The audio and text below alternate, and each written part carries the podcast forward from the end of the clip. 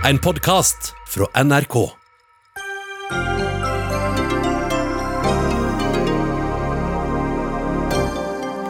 Færre arbeidsløse i juni, men kravet om forlenget permitteringsordning står fast, sier Fellesforbundet. Det vil virke mot sin hensikt, mener forsker. Facebook må ta ansvaret for hatefulle ytringer, mener selskaper som vil boikotte plattformen. Virkemidlet er feil, sier Stormberg-gründer. Den franske statsministeren og regjering går av. Mannen som har hatt ansvaret for viktige deler av regjeringens håndteringen av koronakrisen, blir ny statsminister.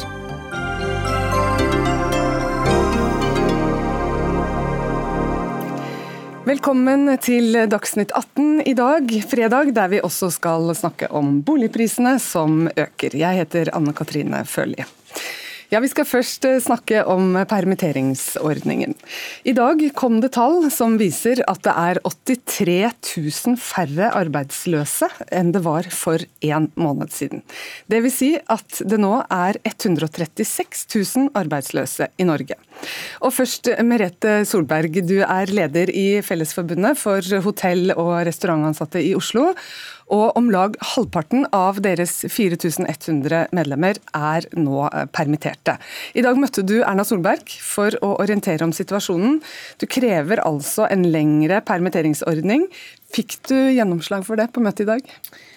Først og fremst var det et veldig hyggelig, fint møte med Erna. Jeg syns det er flott at hun tok seg tid til å prate med våre tillitsvalgte. Eh, hun eh, kunne ikke love oss at permitteringsreglene ble utvidet. Det haster for våre medlemmer nå, fordi vi går inn i ferien. Flere oppsigelser ligger allerede på bordet vårt. Det her er fullstendig krise. så vi oppfordrer og håper virkelig at de før sommeren nå utvider permitteringsreglene til 52 uker. Men Hvordan kan du være så overbevist om at en utvidelse av denne ordningen, altså at det blir litt lettere for bedrifter å, holde folk permitterte, at det vil hjelpe på den krisen vi er i? Det gjør at ikke de blir sagt opp fra sin egen faste jobb, eh, som gjør at de da fortsatt har en jobb, en viss form for en trygghet. Blir de skjøvet helt ut av arbeidslivet, så vil det være vanskelig for veldig mange av våre medlemmer å komme inn igjen i arbeidslivet, og det er det vi frykter. Vi har mange utenlandske arbeidstakere som jobber i spesielt housekeeping, jobbet der hele livet sitt. Eh, og det å skyve de ut gjør at det blir kanskje vanskelig for dem å komme inn. Eh, de er ganske svake i språk, mange av de også. Så det da å få en jobb etterpå, det blir tøft. Ja, Håkon Rikles, samfunnsøkonom fra tankesmien Civita. Du mener politikerne her kommer til å gjøre gamle feil om igjen hvis de nå utvider permisjonstiden. Det skriver du i en kronikk i VG. Hvorfor mener du det? Ja, Det er fordi man har sett på dette tidligere. I flere tidligere kriser så har man utvidet den maksimale permitteringstiden. Nettopp eh, av det resonnementet at da har folk vært på en viss tilknytning til jobb. Men hver gang man har forsket på det i etterkant, så har man sett det samme resultatet. Og det er at de som raskt kommer tilbake eh, fra den permitterte jobben til vanlig jobb, eh, det, de går det bra med. Mens de som blir stående permitterte lenge, eh, de går det verre med enn de som ble sagt opp. Og så skjønner alle vel, veldig lett å forstå hvorfor det føles mye verre å bli permittert Eh, bli sagt opp enn å bli permittert. Eh, men det at det skal være helt eh, kostnadsfritt for bedriftene å holde på de ansatte uten å måtte ta stilling til om de tror de kommer til å komme tilbake, det er ikke noen god idé. Og Vi har allerede sett i denne krisen at man har tatt noen raske, litt overilte beslutninger. Bl.a. da man gjorde det veldig lett for bedriftene å permittere i begynnelsen av krisen, som flere eksperter mente gjorde at man fikk en høyere antall arbeidsledige i Norge enn en del sammenlignbare land. Og Jeg er redd for at man nå gjør den samme feilen. Jeg synes absolutt man bør se nøye på hva man kan gjøre for å hjelpe de mange arbeidsledige og permitterte, men da må man sørge for at man gjør ting som ikke har utilsiktede konsekvenser, og som gjør at det, de som har en reell mulighet til å komme tilbake til øh, jobb, er de som benytter seg av permitteringsregelverket, og at de andre heller blir sagt opp. For det er bedre å bli sagt opp nå og begynne å søke ny jobb, enn å være permittert i ett helt år og bli sagt opp i mars. For da er sjansen enda dårligere for å få en ny jobb. Solberg, det kan jo være noe i det han sier her, da? Absolutt. Det kan, det kan, være at det også kan være en ordning. Eh, en av de som eh, krever nå en endring i permitteringsordningen, det er deg, Cecilie Myrseth, stortingsrepresentant fra Arbeiderpartiet. Vi fikk jo nye ledighetstall i dag, da, som jeg refererte i stad her. Det viser seg at, eh, at det er færre ledige. Viser ikke det at det nå går i riktig retning, da? Jeg tenker at For hver person som kommer tilbake i jobb, det skal vi være veldig glad for. Men det viser jo også at når man letter på, eh, på, de restriksjonene som har vært, så kommer man tilbake til sine vanlige jobber. Og Arbeiderpartiet sitt mål er jo at når man kommer på andre sida av krisa, så skal alle de arbeidsplassene som har muligheten til å overleve, skal være der. Og Det er det dette handler om. Og Så kan man sammenligne med liksom finanskrise og andre kriser, men dette er en helt unik krise. Vi står i denne situasjonen eh, pga. en helsekrise. Det er en pandemi som gjør at vi har gitt f.eks. reiselivsnæringa og hotellbransjen tilnærma yrkesforbud. Og reiselivsnæringa som helhet har jo advart regjeringa for flere uker siden at dersom man ikke kommer med tiltak som, eh, som monner, så er det så mange som 30 000 arbeidsplasser som nå står i fare. Og dersom regjeringa ikke tar grep disse dagene, disse ukene, så kommer vi til å få mange mange eh, oppsigelser à la de 1000 som ble varsla av Scandic for få dager siden. Men dette kan jo skje uansett. Vi kan jo risikere at disse jobbene blir borte? Ikke alle. Altså, vi kan, ingen av oss kan garantere at alle jobbene vil bestå over en så stor og dyp krise som vi er oppe i. Men vår jobb, vår fremste jobb som politikere, det er å sørge for at vi har så mange av dem som overhodet mulig. Og da kan vi ikke gjøre sånn som Høyre eller Civita, som helt åpenbart er enig med, enig med, med Høyre. Eh, vi må lytte til LO og NHO, som sier at det viktigste vi gjør nå, er å utvide permitteringsordninga. Så jeg tenker at eh, Høyre må våkne, eh, og de må gjøre det som trengs, og det må de gjøre nå. Rikles, det er jo en litt annerledes krise dette her enn de tidligere økonomiske krisene vi har vært igjennom? Ja, det er en annerledes krise, men hver krise har en tendens til å være annerledes. Eh, oljekrisen, når den kom, så sa vi at det er en kortvarig eh, fall i oljeprisen. Finanskrisen sa man det er kortvarig finansielle problemer i verdens finanssektor. Nå kan vi snarere si at det er annerledes fordi vi vet er, Vi vet egentlig at det er ikke så veldig sannsynlig at verden kommer til å være helt tilbake, og hotellnæringen reiser helt tilbake i mars neste år. Sannsynligvis kommer det til å ha lengre tid. Og, og da, da, går det året ut. Ingen som snakker om å ha en permitteringsperiode som er lengre enn et år. Og da blir det oppsigelser da.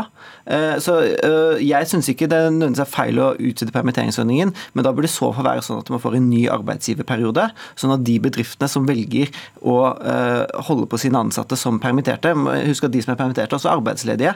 De som velger, bedrifter som velger det, at de faktisk må ta et aktivt valg fordi de tror at ja, jeg er villig til å betale f.eks. ti dagers uh, lønn uh, for en ny tre måneders permitteringsperiode. Fordi jeg tror at akkurat disse ansatte klarer å få tilbake. Og Hvis de ikke tror det, så er det bedre for de ansatte å bli sagt opp, selv om det høres paradoksalt ut. fordi da har de i hvert fall en mulighet til å finne andre jobber i mellomtiden. Og vi vet jo som du ser nå at økonomien går bra i en del andre deler av sektoren, av samfunnet. Så det gjør at det kan være andre jobber der ute. Men vi vet av erfaring at de som er permitterte, de finner ikke de jobbene. De blir værende ledige lenge. Og mange av de, nettopp hvis de blir værende ledig lenge, faller helt ut av arbeidsmarkedet. Merete Solberg. Det er viktig at vi bevarer så mange arbeidsplasser som mulig. Uh, uansett så er det staten som må betale for, for, de som skal gå på dagpenger. De må betale nå dagpenger. Blir de satt ut av arbeid, så må de likevel betale dagpenger. Regninga blir på staten. Det gir en ekstra trygghet for mine medlemmer det å vite at de da har mulighet til å ha en jobb og gå tilbake igjen. Eh, det er veldig utrygt, det som kommer nå i sommer. Veldig mange går jo ut i ferie nå.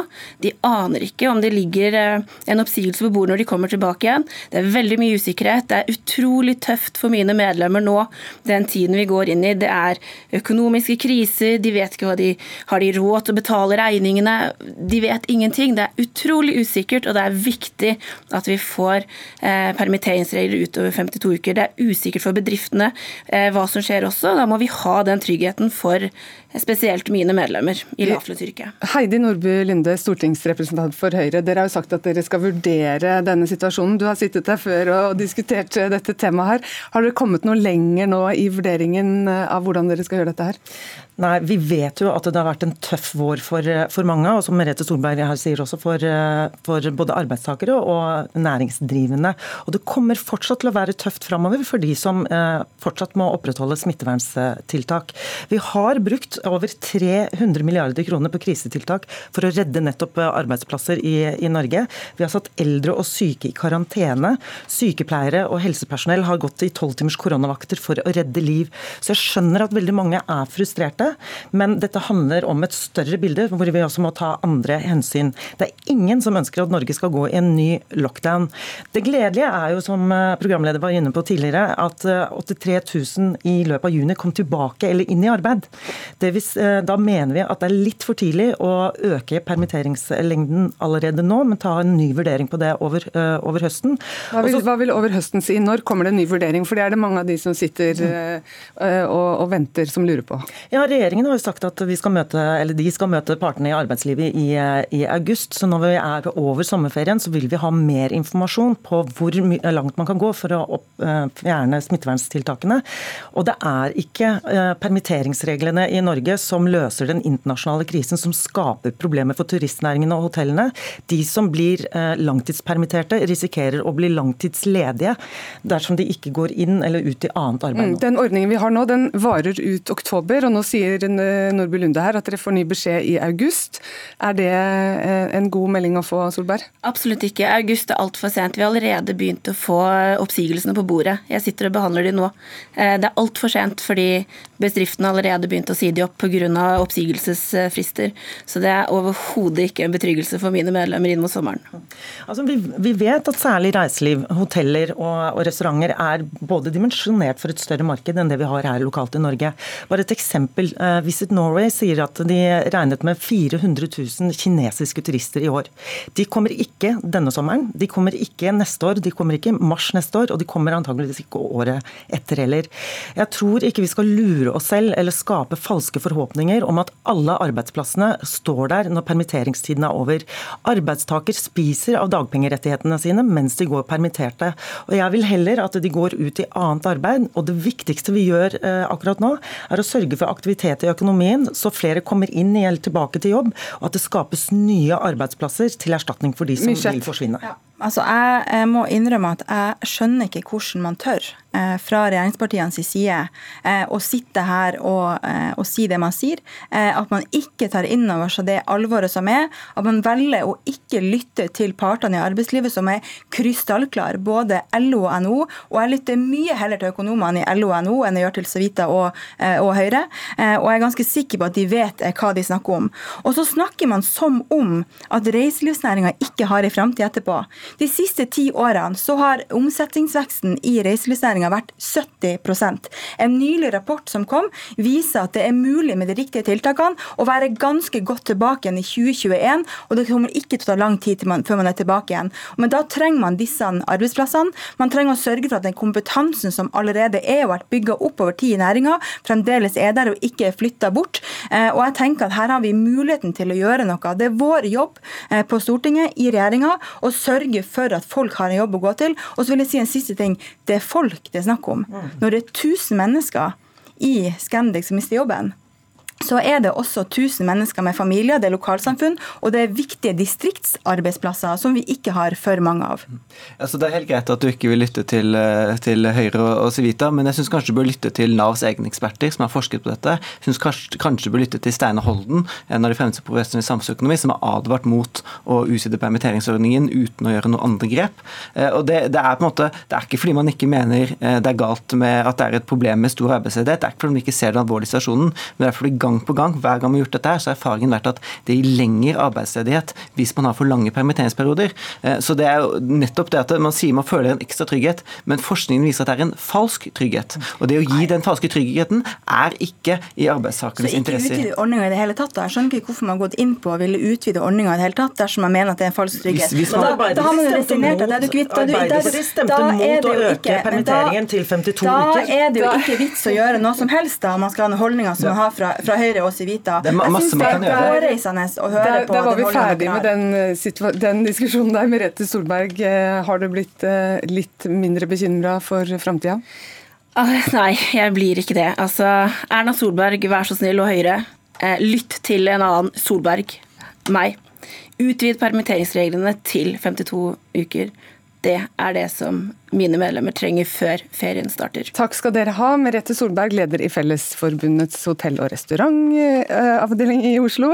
Heidi Nordby Lunde, stortingsrepresentant for Høyre. Cecilie Myrseth, stortingsrepresentant for Arbeiderpartiet. Og Håkon Rikles, samfunnsøkonom i Civita.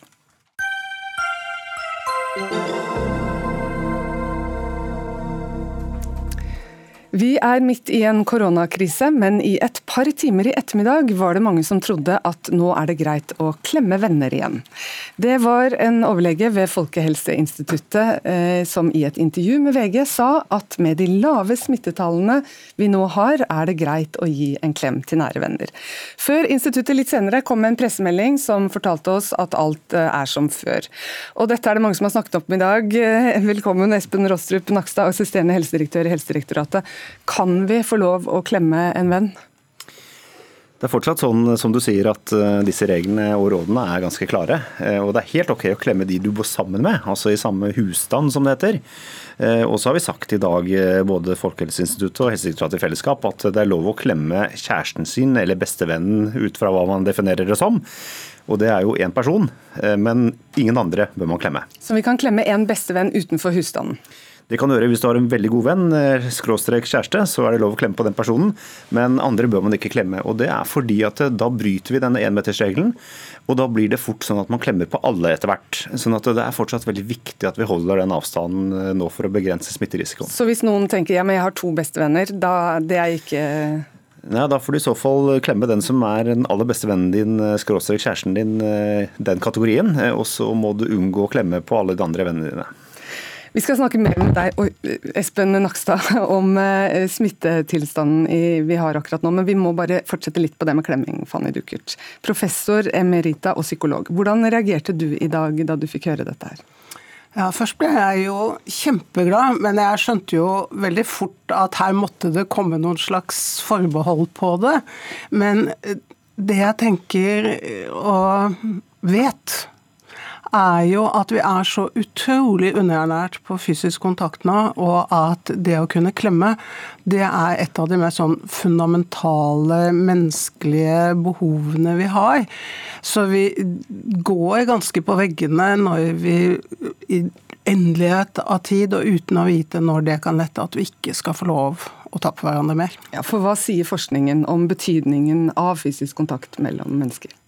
Ja, altså vi har det jo så grunnleggende eh, at vi vet at små baby, hvis de skal overleve, så holder det ikke at de får mat og søvn og tørre klær. De må faktisk fysisk kjærtegnes, strykes, holdes, koses. Og vi har erfaringer fra annen verdenskrig, når engelskmennene internerte små babyer på landet for at de skulle slippe unna bombene, og så lå de på store sånne institusjoner og ble stelt av sykepleiere etter etter tidsskjema. Og så oppdaget man til sin forskrekkelse at disse ungene som egentlig hadde dekket alle behov, de ble stille, de sluttet å gråte, de sluttet å spise, og noen av dem begynte å dø. Og det var jo en ganske sånn forferdelig opplevelse. Og så fant man ett unntak, og det var på et av disse institusjonene så hadde de en liten avdeling for psykisk utviklingshemmede unge kvinner. Og disse hadde fått lov å gå rundt og kose og klappe og stelle med babyene. Og der hadde babyen det helt fint. De pludret, smilte, la på seg og var helt normale. Mm. Nå er det jo lov å klemme de man bor i husstand med og barna sine. Men hvem er det i denne perioden her som har det verst? Ja, hvis du bor alene, så er det jo ikke så mange å klemme på. Eh, hvis du bor sammen med noen du ikke har et veldig godt og nært forhold til, så får du ikke klemt så mye. Og mange av oss har jo sånne ting som jobbkompisene våre, som vi er veldig glad i og veldig nære. Og så har vi jo de unge ungdommene som jo er vant til mye, mye nærhet og fysisk kontakt. Det er klart det er kjempetøft. Mm. Har du et ønske til Nakstad her, eller et spørsmål? Ja, altså Jeg tenker jo at det er noen dilemmaer, og at vi må balansere mellom det som jeg av og til tenker meg at vi driver med symbolbeslutninger eller symboltiltak som tilsynelatende er veldig viktige og kraftfulle, men som enten har veldig store omkostninger eller egentlig ikke treffer på langt nær så godt som vi skulle ønske oss, og hvor omkostningene blir mye større enn den økede sikkerheten vi klarer å få. Ja, Espen Nakstad, Kan du ta med deg noen av disse helsemessige argumentene inn når dere gjør vurderinger på området? Ja, det er veldig gode argumenter, og det er helt åpenbart at eh, barn og unge har behov for fysisk kontakt. Eh, og det er gjort unntak for barnehagebarn annet, som må mm. kunne trøstes. sånn at dette har vi tenkt grundig på. Og, og, det at man kan da klemme kjæresten sin eller bestevennen sin, det er i hvert fall et råd som vi har presisert nå. Men grunnen til at vi ikke ønsker å gå lenger, er at da blir det fort klemming av alle vennene du møter på gata. Og når du da drar på fest og er ungdom eller i 20- eller 30-årene, så begynner du å klemme på alle på den festen i tillegg. Og da har vi på en måte ikke noe enmetersregel igjen, og da vet vi at sånne ting medfører mye smitte. Så det, det er ikke fordi vi ikke ser disse andre argumentene, mm. men det er fordi at eh, hvis dette glipper og vi får økt smittespredning, da blir det fort bremsende på eh, til høsten, og det ønsker vi ikke i samfunnet vårt. Nei, det ønsker vi ikke. Eh, vi, skal, vi har et par spørsmål til til deg, Nakstad. Altså, det har vært en diskusjon nå. Hva skjer hvis vi er på, på ferie og blir syke? Enkelte kommuner har vært ute og sagt at folk må reise hjem for å teste seg dersom de blir syke. Det mener du at de ikke skal gjøre. Hva, hva skal vi gjøre? Nei, så Her må den enkelte som er eh, turist i eget land vurdere litt hva som er mest formålstjenlig hvis man begynner å få symptomer. Om man da føler det tryggest å reise hjem og isolere seg og så ta en test. Det må man selvsagt vurdere. Men har man et behov eh, for helsehjelp eller man ønsker å bli testet der man er på ferie, så skal man kunne gjøre det. og Det følger av smittevernloven.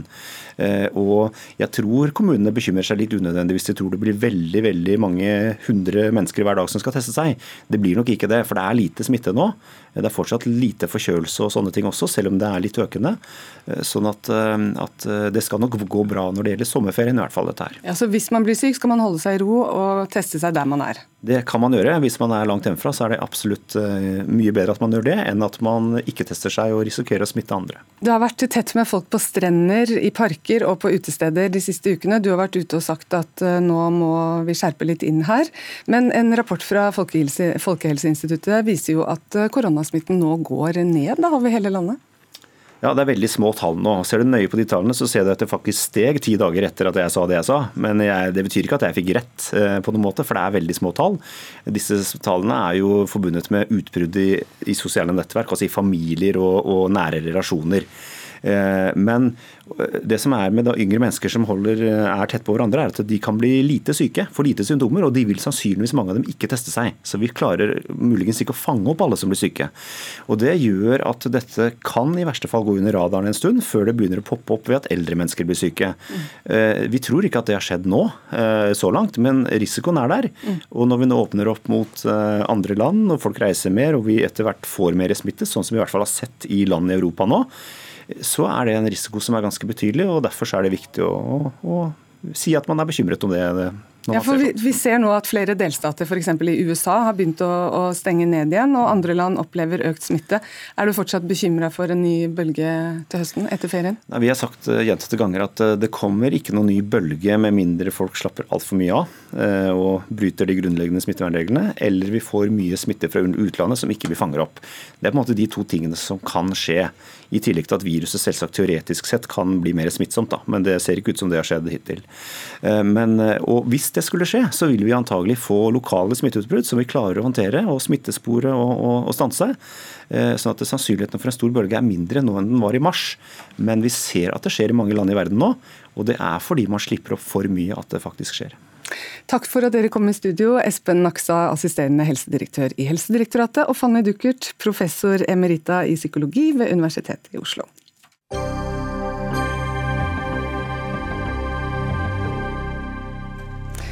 Koronakrise til tross, boligprisene fortsetter å stige. I dag presenterte Eiendom Norge sine tall for juni, og flere steder på Østlandet har de hatt sin sterkeste junioppgang i boligprisstatistikkens historie. Boligprisene er nå 3,5% høyere enn på samme tid for ett år siden. Og Karin Due Andresen, sjeføkonom i Handelsbanken. Mange har vært igjennom tøffe og økonomisk ustabile måneder etter at koronaen kom hit i mars. Men boligprisene ser ut til å ha gått uskadet gjennom det, eller tvert imot øker. Hva er det som har skjedd? Ja, Det har eh, vært et vesentlig mindre tilbakeslag som følge av koronakrisa enn det vi fryktet for noen måneder siden. Det tror jeg ikke det er noe tvil om. Eh, vi har jo fått et solid rentekutt fra Norges Bank. Um, og så har norsk samfunn åpnet opp en del raskere enn det vi trodde. og Vi ser at stemningen i norske husholdninger har tatt seg ganske mye opp i det siste. Og sånn som det ser ut nå, så er det kanskje mindre grunn til å frykte de, de dramatiske utfallene som vi fryktet at vi kunne få for norsk økonomi da vi sto eh, i mars og april.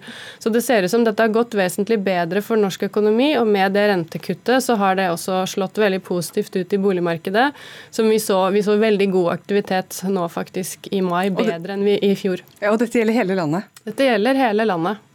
Hvem eh, kan vi si er de store vinnerne her?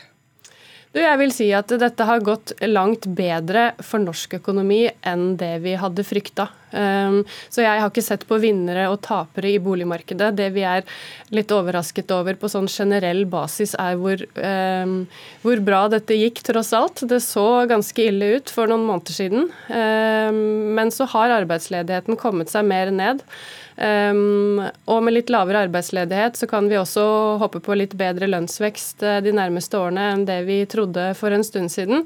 Og dermed så får kanskje husholdningene en bedre inntektsutvikling enn det vi frykta i mars og april, og da går også boligmarkedet bedre. Neira Matsic, eh, du er sjeføkonom i Prognosesenteret. Eh, er det et sunt og bærekraftig boligmarked som vi nå ser? Enn så lenge så vil jeg si det er det. Eh, en tolv måneders vekst i boligprisene på 3,5 er eh, en, relativt stabil eh, og normal vekst. Men jeg frykter jo at prisveksten kan bli høyere enn de 3,5% vi er på nå. Og I tillegg til rentekuttet, som Kari nevnte, så er det en annen ting som har stimulert ganske mye. Og det er en midlertidig endring av boliglånsforskriften. Det er en forskrift som ble innført i eh, begynnelsen av 2017. Nå i andre og tredje kvartal så har man doblet denne avvikskvoten.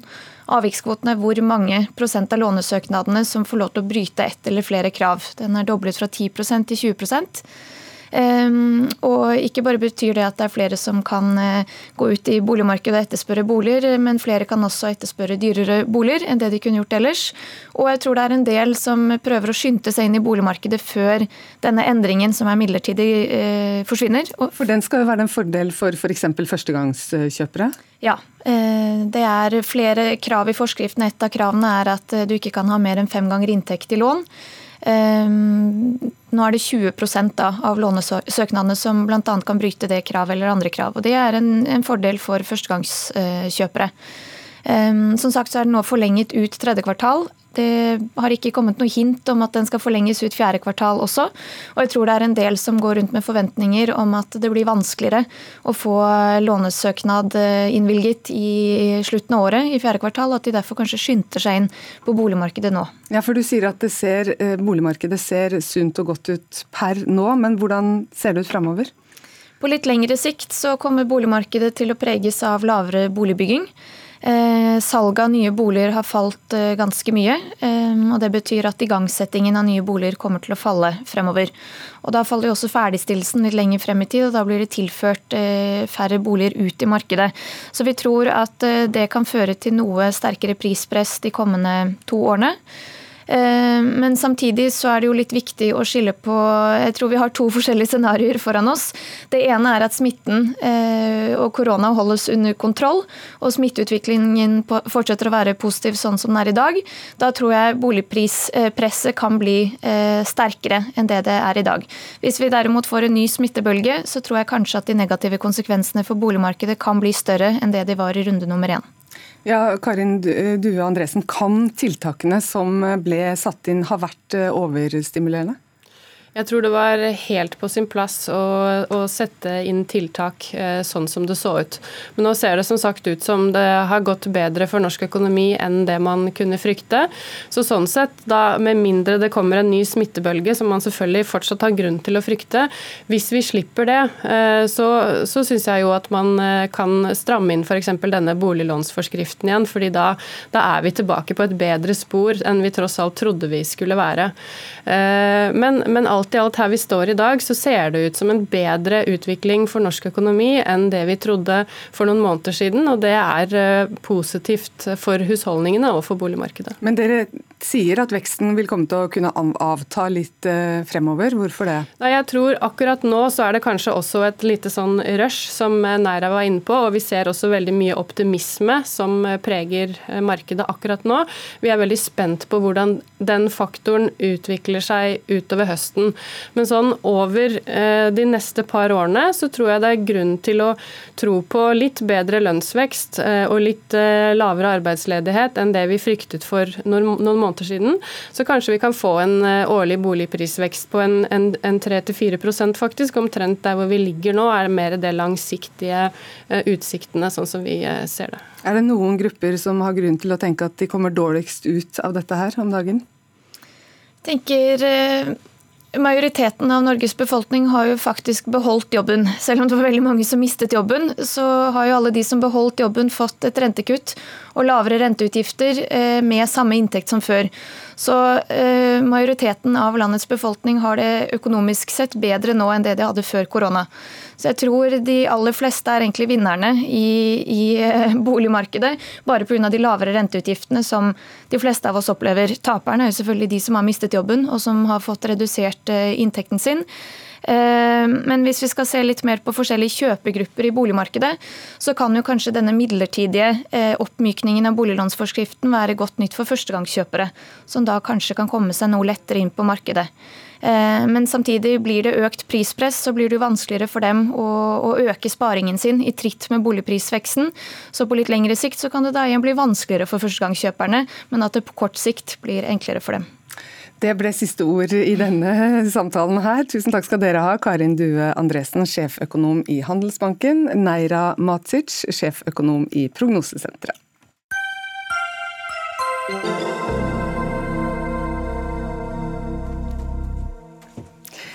Nå skal det handle om antibiotikaresistens og merking av norske kjøttprodukter. For ifølge en ny bok dør det nå 700 000 mennesker av antibiotikaresistente bakterier hvert år på verdensbasis. Og Erik Martinussen, du er journalist og forfatter av denne boka, 'Krigen mot bakterier'. Og i Nasjonen så tar du og SV denne uken til orde for at norsk kjøtt bør antibiotikamerkes. Hvorfor er det så viktig? Ja, altså Grunnen til at jeg har brukt eh, fem år på denne boka, da, er jo fordi at eh, antibiotikaresistens er vår tids aller største helseutfordring. Altså Nå snakker vi om sammenlignet med korona, så blir det jo det småtteri i forhold til hva vi snakker om her. Du er inne på det selv. 700 eh, 000 mennesker dør allerede i året av eh, dette her. og Fram mot de neste 30 årene kan det bli opp mot, er beregningen at på 10 millioner mennesker i året kan dø av eh, antibiotikaresistens. Så dette er jo en veldig stor og farlig helseutfordring. Og disse bakteriene sprer seg jo som en slags slow motion-pandemi. da.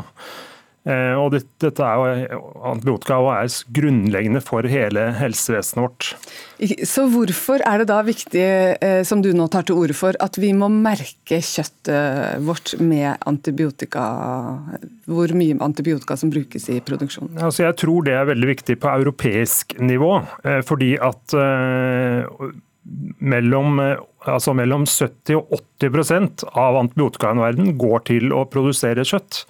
Og i land som eh, Tyskland, Italia og Spania eh, så bruker de altså 15-20 ganger så mye antibiotika på å produsere kjøtt eh, som vi gjør i Norge i gjennomsnitt. Og Dette fører til utvikling av resistente bakterier hos dyrene, som smitter over på mennesker og som sprer seg til samfunnet. Og Da snakker vi om bakterier som ESBL, VRE, altså skumle bakterier som også har eh, kolonisert eh, sykehusene våre, og som gjør folk syke, og som mange dør av. Og For å presisere det, så er det ikke antibiotika i selve kjøttet eh, fra utlandet du er bekymra for, det er antibiotika i produksjonen som gjør at du mener at det må merkes? Ja, det er en enorm bruk av antibiotika. Tonnevis med våre beste medisiner går til å produsere kjøtt, og dette må man få en slutt på. og Derfor mener jeg at man må bruke forbrukermakt her. og Hvis man får merket kjøttet, så folk forstår eh, hvilke produsenter som bruker mye antibiotika og hvilke som ikke bruker det, eh, så vil man kunne presse fram og redusere bruken av antibiotika. Ja, assisterende direktør i Animalia og veterinær, Ola Nafstad. Animalia er kompetansesenter for kjøtt- og eggproduksjon her i landet. Dere vil ikke at kjøttet skal merkes slik som Martinussen her sier. Hvorfor ikke det? Norge har et svært lavt antibiotikaforbruk til husdyr, sånn som Martinussen også er inne. Og Det er et resultat av mange mange års eh, arbeid med forebyggende helsearbeid og dyrevelferd i Norge. Så Det har ikke kommet av seg sjøl. Så, sånn sett så kunne det være en lavthengende frukt for norsk landbruk å, å eh, merke kjøttet.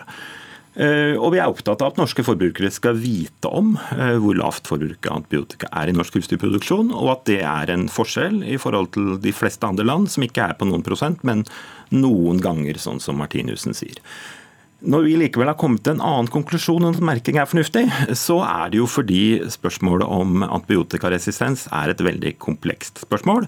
Eh, og husdyr betyr, i hvert fall i norsk sammenheng, ganske lite. Det avgjørende eller, i, i, rekkefølge så er det jo viktig hvor mye antibiotika brukes direkte på mennesker. Det skal ikke vi diskutere, men det er jo et nøkkelspørsmål. Eh, med et så lavt antibiotikaforbruk som vi har her i landet, så er jo introduksjon av resistente bakterier eh, fra land rundt oss, gjerne med vår egen reisevirksomhet, vår egen helseturismevirksomhet, viktig. Antibiotikaforbruket i landbruket er viktig, men mat er ikke den viktigste og sentrale overføringsveien. Det, det har du rett i, men, men, men hvorfor kan vi ikke vi, merke det og vise at vi er da best i klassen? Skryte litt av Vi vil gjerne at norske forbrukere skal vite det, som sagt. Og men, det kan vi gjøre mer for at de skal få vite. Men hvis vi merker en ganske liten risikofaktor uh, i denne sammenhengen, kanskje en bortimot neglisjerbar risikofaktor i norsk sammenheng, mens vi ikke ikke kommuniserer det samme om de store risikofaktorene, eh, da vil jo norske forbrukere sitte igjen med et helt skeivt bilde, og det er vi ikke tjent med i den store kampen mot antibiotikaresistens. Skeivt bilde vil det bli, Martinussen? Nei, også Det som overrasker meg kanskje mest når jeg jobbet med denne boka, det, det var jo hvor eh, fantastisk mye antibiotika som brukes fortsatt i kjøttproduksjonen. Vi har hatt denne diskusjonen nå på, i 30 år. Eh, og Det er altså kjent at eh, veldig mange av disse bakteriene er dyrket fram i kjøttproduksjon, i svineproduksjon, i kyllingproduksjon i mange land. Og Dette sprer seg også eh, til Norge. Så Her trengs det forbrukermakt. Her må forbrukerne få vite hvor mye antibiotika som blir brukt i kjøttet. og Dette er jo en debatt som pågår på europeisk nivå i EU-parlamentet. Jeg har selv vært i EU-parlamentet og snakka med parlamentarikere som ønsker denne type kjøtt, eh, merking av kjøttet. Og Da er det jo litt underlig at et land som Norge og, og vår landbruksminister, som jeg forsto heller ikke hadde tid til å komme her og diskutere dette i dag, Eh, ikke er villig til å reise denne saken internasjonalt. Vi er jo, som Animalia her sier, eh, langt framme. Vi bruker lite antibiotika i Norge. Man behandler de enkeltdyrene som blir syke, som er veldig bra, istedenfor å gruppebehandle dyr, sånn som man gjør i Europa. Ja, og Siden du nevner landbruksminister Olaug Bollestad, som ikke hadde anledning som ja. du sier, til å komme hit til studio i dag, så sier hun til Nasjonen at Norge må følge EU-regelverket på dette området, og at det ikke er handlingsrom for å pålegge obligatorisk tilleggsmerking. Nei, Det kan godt hende, men eh, hun burde jo ta opp dette internasjonalt. Eh, Norge har jo eh, absolutt noe å lære andre land her. og Jeg har jo selv reist rundt til kjøttprodusenter i utlandet som er nysgjerrig på hvordan vi får det til her til lands. Så dette er jo en veldig passiv holdning av Bollestad, og jeg forstår heller ikke at næringa her i Norge ikke er mer interessert i å reise en diskusjon om dette. Det må næringa svare på.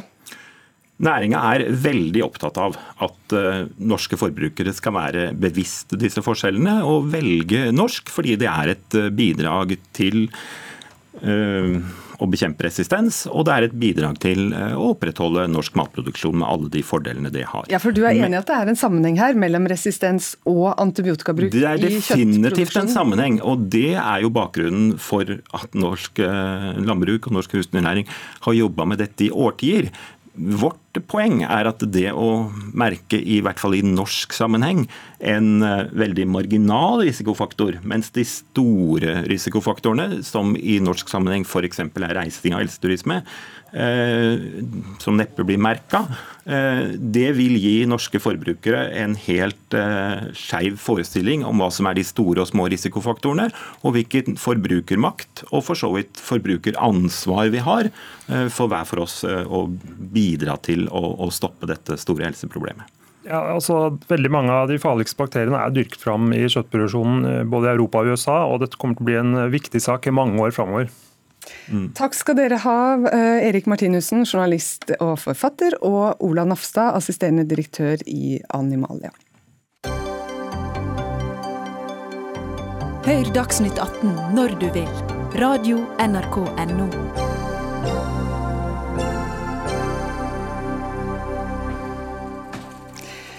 Store selskaper krever nå at Facebook tar ansvar for hatefulle og rasistiske ytringer på sidene deres.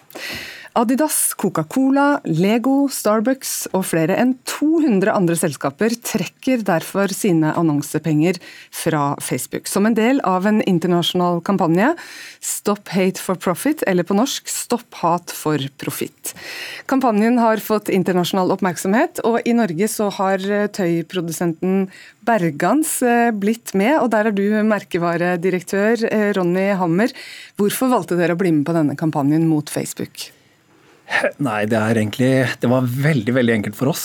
Eh, det var en ryggmargsrefleks eh, som sier at vi, vi, vi, vi skal stå opp for hatefulle ytringer. Eh, rasistiske holdninger og diskriminerende kommentarer. Og så mener vi da at når dette er såpass bakt inn i vår, vårt DNA, så bør vi ta stilling til det og si ifra. Og tørre å stå i det. Men hva er det dere vil at Facebook skal gjøre annerledes? Nei, Vi vil at de skal ta ansvar for, eh, for plattformen som de leverer. Eh, vi vil at de skal eh, ha en klar policy på, på hvordan man skal kommunisere på, på deres plattform at er ehm, At man ikke forsterker eh, sider som har ehm, helt åpenbart ehm, driver med, med hatefulle kommentarer. Men Vil dere da at de skal, de skal fjerne dem? Nei, vi er ikke for sensur. Det er ikke det som er greia. Men vi tenker at de kan flagges, de kan merkes osv. Og, så og så er det sånn at hvis du er, hvis du er med på en gruppe da, som er litt på, på, kanten, eh, og det er ikke opp til oss å vurdere hvilke grupper det er, så trenger du ikke få den anbefalinga at hvis du liker denne, så kan du også like denne. Og så kan du bare få en sånn evig snøball med, med, med, med dårlige forslag. Så kanskje de kan gjøre noe i, i så måte. Steinar Olsen, du er gründer i eh, tøyprodusenten Stormberg, en konkurrent i Bergans her. Dere har aktivt valgt å ikke bli med i kampanjen, og vil dermed fortsette å betale for annonser hos eh, Facebook. Hvorfor er ikke dere med på dette her? Vi mener, eh, og det, Vårt utgangspunkt er egentlig det engasjementet vi har hatt eh, mot netthets og mot hatefulle ytringer eh, allerede i, i flere år. Vi har merket at debatten har vært mye mer polarisert, mye hardere og mye tøffere de siste årene, også på sosiale medier. Og Da mener vi at det er veldig viktig at eh, motstemmerne, de moderate stemmene, vi som engasjerer oss mot netthets og hatefulle ytringer, at vi er til stede på plattformene. At vi bidrar til å moderere, og at vi bidrar til at de som kommer og bidrar med sin hverdagsrasisme, får beskjed om at eh, dette ikke er greit. Det å trekke seg tilbake igjen og overlate en plattform som dette til de som faktisk trives med å sjikanere, trakassere eh, andre mennesker, det er ikke greit. Men eh, Dere er opptatt av dette med å, å, være en kritisk stemme i kommentarfeltene. Men det kan dere vel gjøre samtidig som dere holder tilbake noen annonsepenger her, og dermed viser at dere virkelig mener alvor overfor Facebook? Stormberg har 300 000 følgere eh, på, på, Facebook, eh, og vi når ut eh, til en god del ved at vi ikke promoterer våre poster.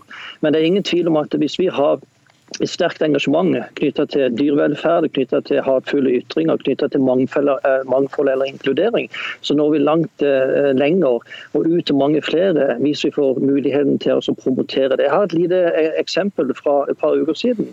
Der var det en Eh, Facebook-bruker som hadde sett et eh, Stormberg-bilde. En Stormberg-familie på tur med bl.a. en lita jente. som skrev på Facebook at det var absolutt ikke greit at ei mørkhuda jente brukte ei turbukse fra en norsk turtøyprodusent. Det at vi kan gå i rette med den type fordommer, det at vi kan si at den type holdninger ikke er greit, det at vi kan engasjere nordmenn og engasjere våre følgere til å være motstemmer til den type hverdagsrasisme, det er veldig viktig. Og Derfor må en ikke trekke seg tilbake igjen. Derfor må en si til Facebook at de må ta det ansvaret de har som distributør. Men vi som er enkeltpersoner, vi som er organisasjoner, vi som er merkevarer, vi må også tørre å være en tydelig motstemme, og ikke trekke oss ut av en skolegård hvor det dessverre foregår altfor mye mobbing. Ja, men uten å være med i denne kampanjen, Hammer? Ja, fordi det er nettopp det som er den store forskjellen. Fordi at vi boikotter jo ikke Facebook. Det må folk skjønne. Vi går ut og trekker annonsekronene. Vi er på Facebook. Vi gjør akkurat det samme som Størmberg. Ehm, vi, vi, vi, går i debatt med folk som kommer med hatefulle ytringer. Men vi er også villige til å putte pengene våre bak det. Og vi kommer til å tape penger på dette. Ja, hvor mye greiene. penger kommer dere til å tape på dette? Vi er midt i tursesongen. Ja, vi er midt i tursesongen, så det passer egentlig veldig dårlig. Men vi kommenterer aldri tall direkte. Men vi vet at det er, dette er en betydelig eh, annonseplattform for oss, og vi kommer til å se dette her ganske raskt. Men vi syns at temaet er viktigere. Det er viktigere å stå opp for alle de som ikke kan stå opp for dette her. Og vi, vi tror ikke at Facebook kommer til å reagere hvis vi ikke trekker noe av annonsekronene. Vi må ta de der det monner, og det er med penga. Og i tillegg til det så kommer vi til å være på plass på plattformen og ha dialog med alle og ta imot og svare på, på ytringer som måtte komme. Det er positive eller negative. Ja, Og så kan det hende at det er godt for omdømmet deres også, dette her, da. Ja, Det var ikke det som var utgangspunktet i dette. her, og Vi, vi hadde en diskusjon på bakrommet. og Vi er rett og slett litt overraska over uh, responsen. Fordi at Det som startet med en sånn liten brødtekst, og, og, og vi trakk dette her, ble endte opp her i dette studio. Ja, for Ståle Lindblad, du er kommunikasjonsrådgiver i Areka. I et innlegg i Medie24 så skriver du at denne Facebook-aksjonen her, den handler ikke først og fremst om penger. Hva er det du mener at det handler om? Det handler om, eh, For de som deltar, så handler det om å markere et standpunkt og, og, markere sitt ståsted. Eh, for Facebook så betyr ikke pengene noe. Det som kan påvirke Facebook, det er tilliten. Hvis de hvis de er så lite lydhøre at det ødelegger tilliten, så kan det påvirke Facebook, men, men, vi er langt unna der. Så for Facebook så er det her en liten fartsdump. Så du vil ikke ha noe å si økonomisk?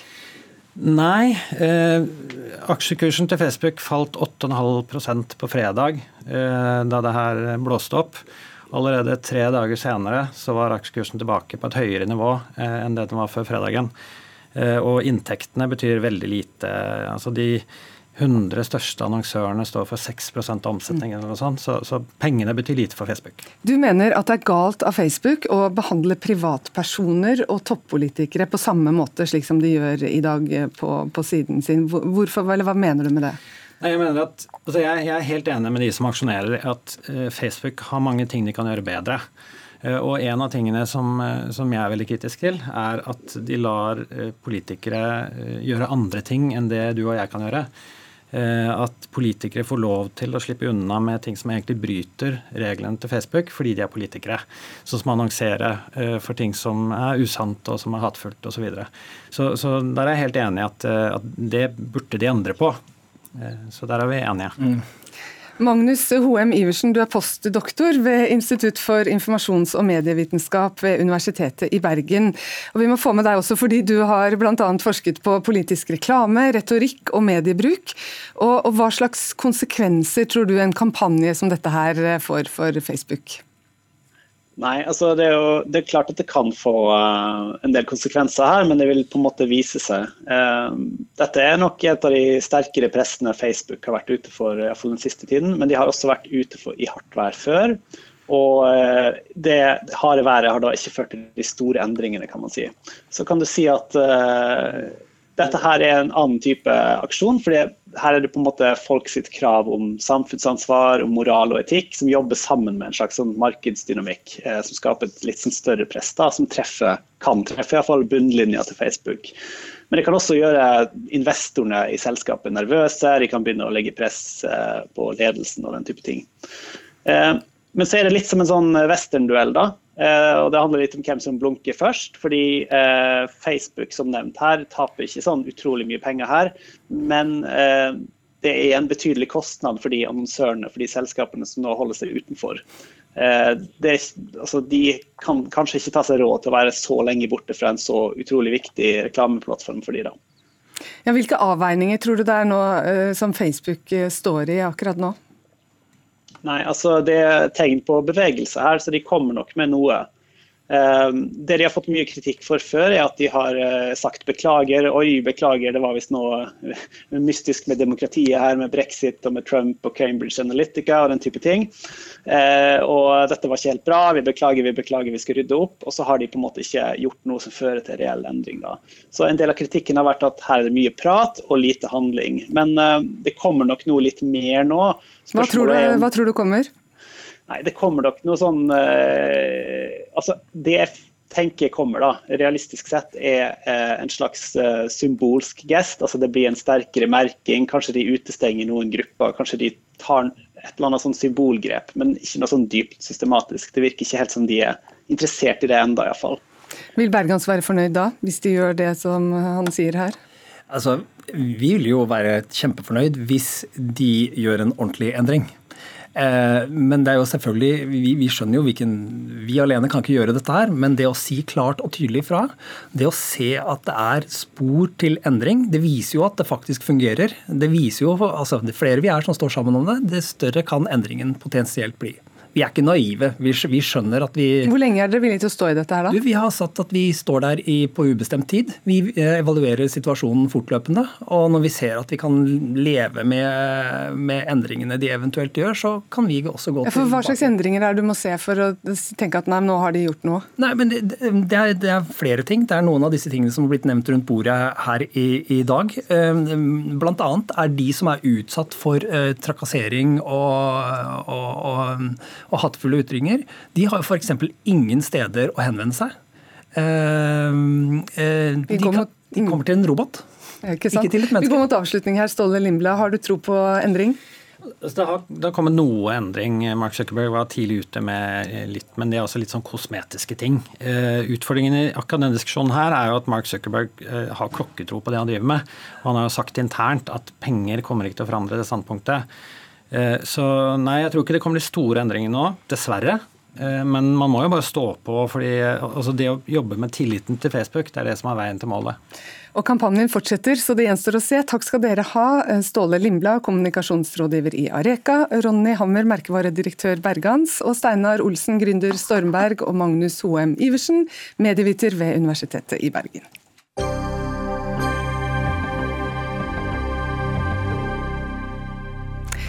Da skal vi til Frankrike, for der går den franske statsministeren og resten av regjeringen hans av.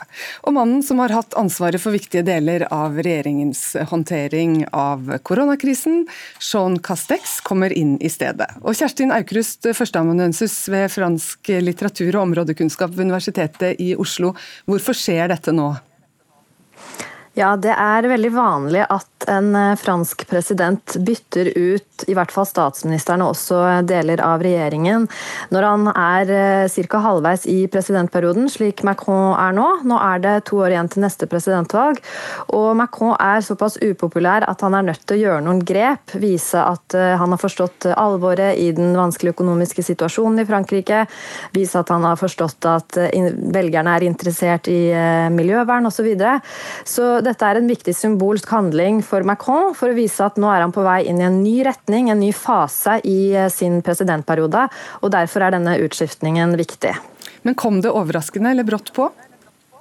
Det kommer ikke akkurat overraskende dette med at eh, Edouard Philippe måtte gå. Det var en sånn 50-50% sjanse for at han enten da skulle bli eller, eller gå av. Han eh, ble nettopp eh, valgt, valgt, som ordfører av en større by i Nord-Frankrike, Le så han har for så vidt en, en, god jobb å gå til.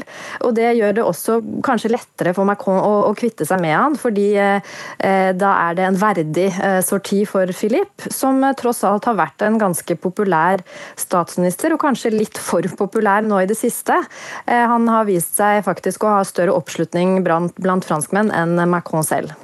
Ja, Simen Ekern, du er påtroppende europakorrespondent her i NRK. Vi har sett Macron skryte av samarbeidet med Philippe, men han velger han likevel bort.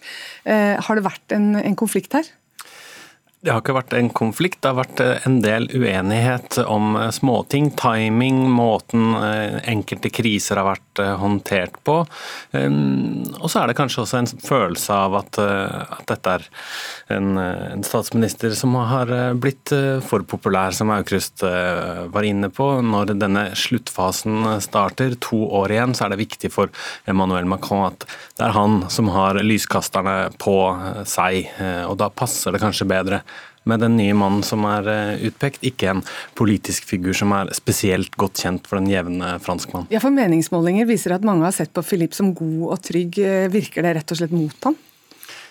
Eh, han har jo eh, framstått som eh, rolig, saklig i håndteringen av denne koronakrisen, så det taler til hans fordel. Men det er klart det kan godt hende at dette er et, en bra ting for, for ham også. Han skal altså være ordfører.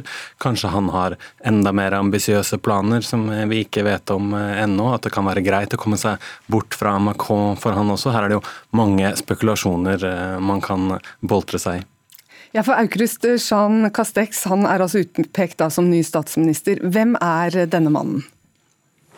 Jean Castex han tilhører eh, høyresiden. Han er medlem av eh, partiet Les Républicains, i likhet med det Edouard Philippe var da han ble utnevnt. Eh, han er 55 år. Han har gått det samme løpet som Macron og Philippe med disse eliteskolene, så sånn sett så han, har han en relativt tradisjonell bakgrunn. Siden 2008 så har han vært ordfører i en liten kommune på 6000 innbyggere i Sør-Frankrike, så han har jo ikke fremstått sånn spesielt ambisiøs i så måte. Eh, I det siste, som du, som du, nevnte innledningsvis, så har han gjort seg markert ved at han har da eh, vært med på å lede Frankrike ut av denne lockdownen de var, eh, de var inne i. Og, og, mange mener at han har gjort dette på en forbilledlig måte, så det er nok det som har vært avgjørende, tror jeg, for at Macron pekte på han. At han viser seg å være en arbeidsmaur, at han er til å, til å stole på. Og i det, det lille jeg har fått med meg i dag, at andre politikere i Frankrike sier om Jean Castex, det er nesten bare lovord. Både fra opposisjonen og, og fra partifeller. Så viser, som, viser det seg at han virker som han er ganske godt likt, både personlig og profesjonelt. Og så har han jo da en, en forankring i provinsen som Philippe mangler. Han hadde en mer urban profil, og det tror jeg kan være viktig for Macron, som har blitt mer og mer upopulær i det rurale Frankrike. Ja, Jean Castex ligner på mange områder også på Philippe. Han er en hvit hvit mann samme alder fra høyresiden. Ekern, står han nå fritt til å bytte ut resten av regjeringen? Ja, Nå skal jo eh, den nye statsministeren eh, utpeke eh, nye, nye, nye regjeringsmedlemmer. Naturligvis har Emmanuel Macron en, en, en hånd på, på, rattet der når den prosessen skal finne sted. Det man kan se for seg nå, er jo at ettersom Castex også er fra høyresiden, så trenger man kanskje noen sterke, karismatiske figurer som kan representere det, det grønne skiftet som man fikk inntrykk av skyllet over Frankrike i, i lokalvalget nylig. Eh, han trenger også kanskje noen med en tydeligere sosial profil, en som kan eh, vise en mer eh, menneskelig side som kan appellere til, til en type venstreside som, som ikke kjenner seg igjen i, i, i Philips posisjoner, f.eks. Det er mange balanseganger her som, som, som skal ja, du, gjennomføres. Da, ja, for, for Du nevner et, et grønt regjeringsskifte. Tror du Macron vil benytte anledningen nå til å gjøre Frankrike grønnere?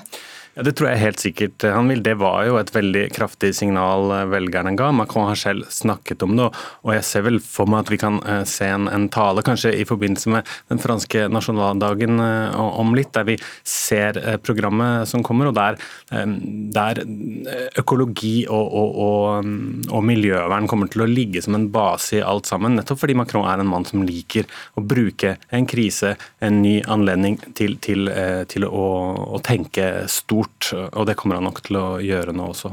Ja, Aukrust, det var mange som mente nå at det var på tide med en kvinnelig statsminister i, i Frankrike? Absolutt. Det, det, har kun vært én kvinnelig statsminister i Frankrike tidligere, på begynnelsen av 90-tallet. Edith Cresson under eh, president François Mitterrand. Så det var eh, så absolutt på tide. Nå føler jeg at eh, Macron har gått glipp av to anledninger eh, til å gi Frankrike en ny kvinnelig statsminister. Litt skuffende at han ikke um, slo til denne gangen. Og apropos det Ekern sier, så syns jeg også det er litt overraskende at han ikke valgte en statsminister med en mer grønn profil. Eh, jeg ser at franske journalister har lett og lett etter uttalelser som eh, Castex kan ha kommet med om eh, nettopp miljø, men det er svært lite der. Så der virker det som at han må ta noen grep da, som sagt, i den nye regjeringen for å forsterke den grønne profilen til regjeringen eh, generelt. Nærmer, sendingen nærmer seg slutten. Simen Ekern, tror du at Philip vil utnytte denne muligheten til å utfordre Macron 2022? Jeg har sett noen spekulere om det. Det er jo helt uh, umulig å si sikkert, men for spenningens skyld så kan vi si uh, kanskje det. Takk skal dere ha, Simen Ekern, påtroppende europakorrespondent for NRK, og Kjerstin Aukrust, førsteamanuensis fransk litteratur og områdekunnskap ved Universitetet i Oslo. Denne sendingen er slutt. Ansvarlig for sendingen var Fredrik Lauritzen, teknisk ansvarlig Frode Thorshaug, og i studio Anne Katrine Førli.